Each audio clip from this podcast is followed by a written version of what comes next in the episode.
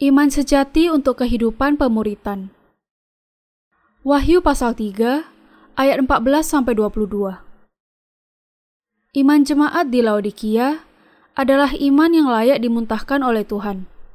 Tuhan karena itu memerintahkan agar mereka membeli darinya emas yang dimurnikan dengan api supaya mereka bisa menjadi kaya dalam iman mereka.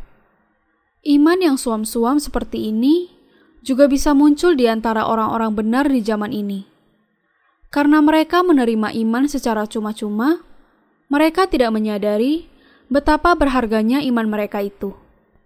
Allah kemudian mengucapkan firman teguran serta nasihat kepada orang-orang benar untuk memberikan kepada mereka iman yang seperti emas yang dimurnikan dengan api. Kita juga bisa menemukan dari bagian itu bahwa Tuhan menghendaki ketujuh jemaat di Asia itu memiliki iman yang sama yang satu. Tuhan memerintahkan semua yang bertelinga supaya mendengarkan apa yang dikatakan roh kepada jemaatnya. Dari pasal 3 ayat 17, kita bisa melihat bahwa jemaat di Laodikia terjebak di dalam penipuan terhadap diri sendiri dan berpikir bahwa kemakmuran secara materi sama saja dengan berkat rohani Allah dan bahwa itu terjadi karena iman mereka. Kepada jemaat yang menyimpang ini, Allah dengan tajam menunjukkan kemiskinan dan penderitaan rohani mereka. Jemaat di Laodikia bisa saja kelihatan kaya dalam iman, tetapi sebenarnya jemaat ini tidak memiliki iman dan miskin. Imannya suam-suam, dipenuhi dengan kesombongan rohani, dan mengasihi dunia lebih dari Yesus. Wahyu pasal 3 ayat 14 sampai 22 berbicara mengenai kehidupan seorang murid. Murid Yesus sejati adalah orang-orang yang taat dan mengikuti firman Kristus. Semua orang yang dilahirkan kembali dengan percaya kepada Yesus Kristus memenuhi syarat untuk menjadi muridnya. Tuhan menghendaki agar kita semua menjalani kehidupan sebagai seorang murid. Kita harus menyadari bahwa kehidupan sebagai murid ini sungguh-sungguh diberikan kepada kita. Dalam bagian ini, Tuhan mengatakan bahwa Ia akan memuntahkan orang-orang kudus yang tidak menjalani hidup sebagai seorang murid. Seperti yang tertulis di dalam ayat 15 sampai 16. Aku tahu segala pekerjaanmu, engkau tidak dingin dan tidak panas. Alangkah baiknya jika engkau dingin atau panas. Jadi karena engkau suam-suam kuku dan tidak dingin atau panas, aku akan memuntahkan engkau dari mulutku. Kalau orang yang diselamatkan tidak panas atau dingin di hadapan Allah, ini menandakan adanya kemiskinan rohani. Juga, orang-orang yang demikian tidak mengenal hidup sebagai seorang murid. Tetapi siapa saja yang dilahirkan kembali harus menjalani hidup sebagai seorang murid. Kita sudah ditebus dari dosa-dosa kita dengan percaya kepada Injil air dan Roh. Inilah keselamatan kita. Apa kemudian yang diberikan setelah keselamatan kita dan kelahiran kembali kita? Kita diberi kehidupan yang berusaha untuk menjadi seperti Tuhan, mengikuti dan mentaati perintah-perintahnya dan menyelidiki firman-Nya. Inilah kehidupan seorang murid. Dalam menuntut keadaan hidup sebagai seorang murid ini dari orang-orang kudusnya, Allah menegur jemaat di Laodikia dengan mengatakan bahwa jemaat itu tidak dingin dan tidak panas. Iman yang tidak dingin atau panas adalah iman yang suam-suam. Iman jenis bagaimana kemudian yang disebut suam-suam yang banyak menawarkan kenyamanan jasmani kepada manusia karena keadaannya yang tidak dingin atau panas? Iman ini adalah iman yang berusaha untuk mendapatkan semuanya, yang memasak kue dan memakannya juga. Iman ini adalah iman yang tidak hidup sebagai seorang murid. Orang-orang yang imannya suam-suam adalah mereka yang mengira bahwa mereka sudah diselamatkan, tetapi tidak mengikuti kehendak Yesus. Mereka bisa saja nampak seperti mengikuti Yesus, tetapi mereka pada kenyataannya tidak. Iman yang berpijak kepada dua sisi yang berbeda, dengan kata lain, itulah yang disebut sebagai iman yang suam-suam. Dunia memandang iman yang begini sebagai iman yang bijaksana. Iman ini mungkin nampak bijak dalam pandangan dunia. Tetapi iman seperti ini yang pasti akan dimuntahkan oleh Tuhan. Segala sesuatu yang suam-suam akan membuat Tuhan memuntahkannya. Anda seharusnya memiliki pandangan yang baik mengenai apa sebenarnya iman ini, yaitu iman yang tidak dingin ataupun panas. Mereka yang imannya suam-suam tidak bersatu, tetapi tidak juga terpisah dari pekerjaan di gereja Allah. Mereka melakukan, tetapi pada saat yang sama sebenarnya tidak melakukan. Kehidupan iman mereka adalah dengan memenuhi syarat terendah, yaitu kalau syarat terendahnya misalnya 60, mereka akan mencari 60, tidak kurang dan tidak lebih. Mereka yang kehidupan imannya seperti ini adalah orang-orang yang miskin secara rohani. Seperti yang dikatakan ayat 17 sampai 18. Karena engkau berkata, Aku kaya dan aku telah memperkayakan diriku dan aku tidak kekurangan apa-apa. Dan karena engkau tidak tahu bahwa engkau melarat dan malang, miskin, buta, dan telanjang, maka aku menasihatkan engkau supaya engkau membeli daripadaku emas yang telah dimurnikan dalam api, agar engkau menjadi kaya, dan juga pakaian putih, supaya engkau memakainya, agar jangan kelihatan ketelanjanganmu yang memalukan, dan lagi minyak untuk melumas matamu, supaya engkau dapat melihat. Orang-orang yang imannya suam-suam menjadikan kemakmuran dunia sebagai tanda bagi kemakmuran rohani mereka. Meskipun mereka merasa bahwa sebenarnya diri mereka hancur, lelah, dan miskin, mereka tidak sungguh-sungguh menyadarinya. Mereka adalah orang-orang yang tidak mengenali dirinya sendiri. Mereka berpikir, "Aku baik-baik saja. Aku tulus, pintar, dan diterima oleh orang lain. Jadi, tidak ada masalah aku hidup seperti ini, meskipun aku sudah diselamatkan."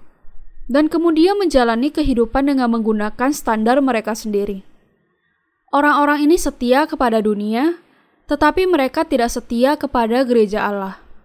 Iman mereka hanya suam-suam. Allah kemudian berkata bahwa Ia pasti akan memuntahkan mereka. Mereka datang ke gereja semata-mata dengan tujuan agar mereka tidak dikeluarkan dari keanggotaan. Mereka hanya duduk sepanjang kebaktian di gereja dan langsung pergi begitu kebaktian selesai. Mereka tidak pernah secara sukarela terlibat di dalam pekerjaan gereja, dan kalau mereka mau, mereka hanya melakukan pekerjaan yang paling kecil. Mereka melakukan, tetapi sebenarnya tidak. Mereka tidak melakukan, tetapi mereka juga melakukannya. Mereka adalah orang-orang yang miskin secara rohani. Tuhan memiliki nasihat untuk orang-orang yang demikian. Aku menasihatkan engkau supaya engkau membeli daripadaku emas yang telah dimurnikan dalam api agar engkau menjadi kaya dan juga pakaian putih, supaya engkau memakainya, agar jangan kelihatan ketelanjanganmu yang memalukan, dan lagi minyak untuk melumas matamu, supaya engkau dapat melihat. Ia memerintahkan agar mereka membeli emas yang telah dimurnikan dalam api, supaya bisa menjadi kaya. Kalau Anda mau sungguh-sungguh mengikuti Tuhan, dan kalau Anda sungguh-sungguh mau Ia memuji Anda atas iman Anda, anda harus belajar beriman. Bagaimana kemudian Anda bisa belajar beriman? Anda harus mempelajarinya dengan membayar harga yang harus dikorbankan dan percaya kepada firman. Bagian yang kita baca menasihatkan agar kita membeli emas yang dimurnikan dalam api. Ini berarti bahwa ada banyak ujian dan pencobaan bagi kita kalau kita berbicara mengenai mentaati firman Allah. Tetapi semua ujian dan pencobaan itu bisa kita kalahkan dengan percaya dan mentaati firman Allah.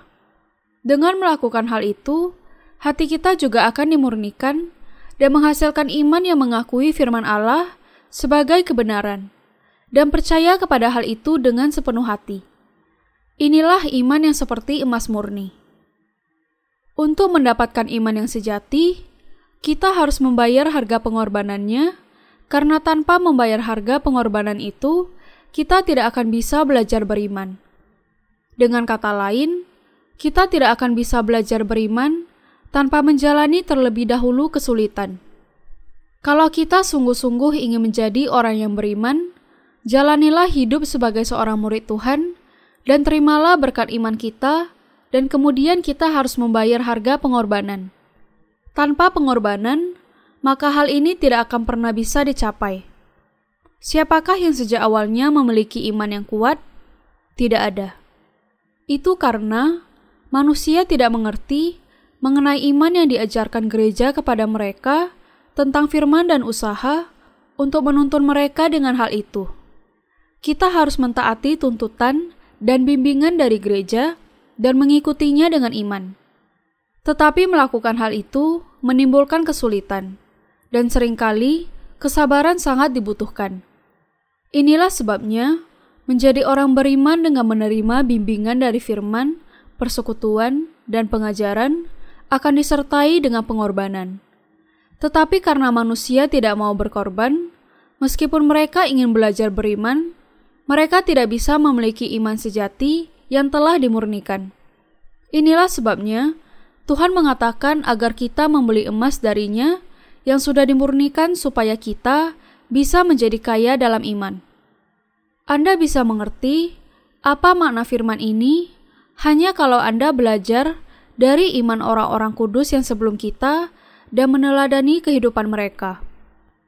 Kalau Anda mendengar firman hanya sekedar teori dan tidak sungguh-sungguh mengikuti perintahnya kepada Anda, dan kemudian Anda melakukannya dengan bersaksi, berdoa, atau bersekutu, tetapi Anda tidak sungguh-sungguh menerapkannya di dalam praktek kehidupan, maka Anda tidak bisa belajar beriman. Karena Anda memiliki iman yang kecil, Anda mengukur iman Anda dan menganggapnya tidak jelek dengan standar dunia yang Anda miliki. Anda kemudian berpikir di dalam hati Anda, "Aku sudah diselamatkan, aku punya uang, dan aku melakukan yang baik dalam pandangan dunia. Pasti aku lebih baik dibandingkan dengan orang-orang lain." Ya, aku yakin bahwa aku lebih baik dibandingkan dengan orang-orang lain ini. Kalau Anda sungguh-sungguh ingin belajar iman yang benar yang seperti emas, Anda harus membayar harga pengorbanan. Apakah mudah untuk taat dan menurut? Perlu pengorbanan untuk bisa taat. Apakah mudah untuk bisa berkorban? Tentu saja tidak. Tetapi kalau Anda tidak ingin dimuntahkan, Anda harus mentaatinya dengan siap berkorban. Tetapi orang-orang yang tidak belajar mengenai iman sejati, miskin secara rohani, dan tidak pernah mau melakukan pengorbanan. Untuk bisa taat, orang itu harus meninggalkan pemikirannya sendiri terlebih dahulu. Kalau tidak bisa melakukan hal ini, maka hati mereka akan senantiasa ada di dalam kehancuran rohani dan bahkan semakin lama semakin buruk. Dengan tidak menyadari kekurangan iman mereka, mereka pada akhirnya akan menyalahkan orang-orang kudus yang ada jauh sebelum mereka. Anda harus belajar iman yang sejati. Kalau Anda masuk ke dalam peperangan rohani dan berjuang di pihak Allah, iman Anda akan dimurnikan saat Anda mendapatkan harta jarahan rohani dan mengetahui apa yang diperlukan supaya bisa menjalani kehidupan yang berkemenangan secara rohani. Anda bisa mengetahui iman ini hanya kalau Anda sungguh-sungguh mengalaminya. Allah menegur pelayan jemaat di Laodikia dengan menuliskan, Engkau tidak tahu ketelanjangan dan kemiskinanmu. Engkau sudah diselamatkan, tetapi imanmu suam-suam kuku saja. Bukan yang ini dan bukan yang itu. Satu-satunya yang engkau miliki adalah keselamatanmu yang engkau simpan dengan rapi. Selain itu, engkau tidak memiliki apa-apa lagi. Apakah para pelayan Allah atau para tokoh rohani bisa menjadi teladan iman bagi kita kalau mereka tidak menjalani hidup sebagai seorang murid? Tentu saja tidak. Mereka menjalani segala macam kesulitan bagi Tuhan, baik di dalam suka maupun duka. Allah menuntun Anda dengan menyediakan orang-orang yang ada sebelum Anda yang menjalani semuanya itu dan membuat Anda bisa yakin bahwa Anda juga akhirnya akan bisa menyelesaikan semuanya.